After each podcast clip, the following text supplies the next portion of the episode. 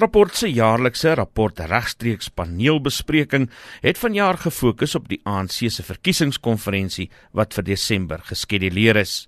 Die oud-koerant redakteur Tim Du Plessis, die redakteur van Moneyweb, Ryk van Niekerk en Bekkie het onder leiding van rapport se redakteur Waldemar Pelser bespiegel oor die vooruitsigte vir die konferensie. Mbeki het so stelke male van tevore prontuit verklaar dat niemand Zuma uit die kussing sal dwing nie. Volgens hom gaan dit oor eenheid in die ANC en voorspel hy dat Zuma self die leiersels voor die einde van sy termyn aan sy opvolger kan oorhandig. First, the ANC has the largest vote in this country and with that majority in parliament the ANC looks after its own interests and it looks after the interests of President Zuma who is their leader.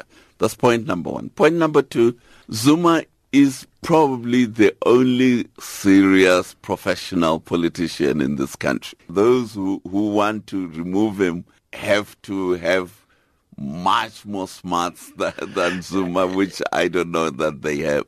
Anders as die ander lede van die paneel, dra Mbeki 'n rooskleuriger bril wanneer daar oor die toekoms van Suid-Afrika gepraat word.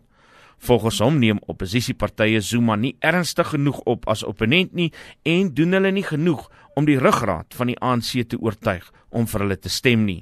You know the single largest vote for the ANC is actually amongst poor people especially in the rural areas. The opposition parties in this country they are marching up and down in Pretoria, they are marching up and down in Cape Town the people who actually are the backbone of the ANC vote are not in Pretoria. Hoewel hy met Mbeki oor sekere ontledingspunte verskil, gee Pelser toe dat Mbeki se waarnemings tot 'n groot mate water kan hou. As ek moet opsom, sou ek sê daar's vloeibaarheid in die politieke landskap. Daar's groot kommer oor die aftakeling van demokratiese instellings. En daar is nie 'n kitsoplossing wat reeds insig is nie.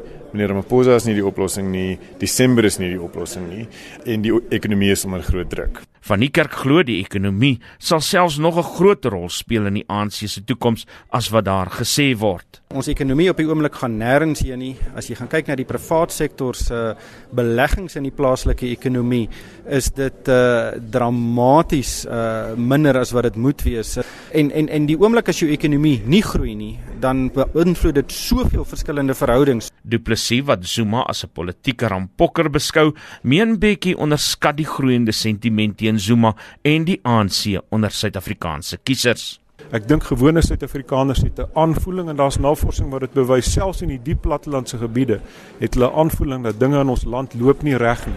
Meneer Zuma sê daar almal is gekant teen korrupsie, almal is kwaad oor korrupsie.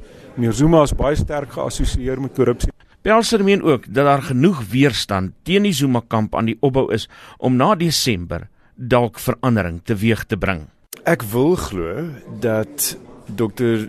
Dlamini Zuma se steun op takvlak in ANC in die ANC nog nie getoets is nie. En dat takke ook berekenings maak van wat in hulle eie belang en, en wat in die ANC se belang is in die aanloop tot 2019 en dat die oorblywende lojaliteit in president Jacob Zuma nie 'n absolute bepaler gaan wees van hoe takke stem nie. Ek dink dat Nkosazana het nie uh, 'n uh, groot steunbasis nie. Sy is nie charismaties nie.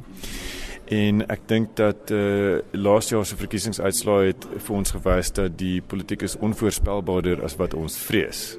Dit was die redakteur van rapport Waldemar Pelser. Ek is Isak Du Plessis vir SAIK nuus.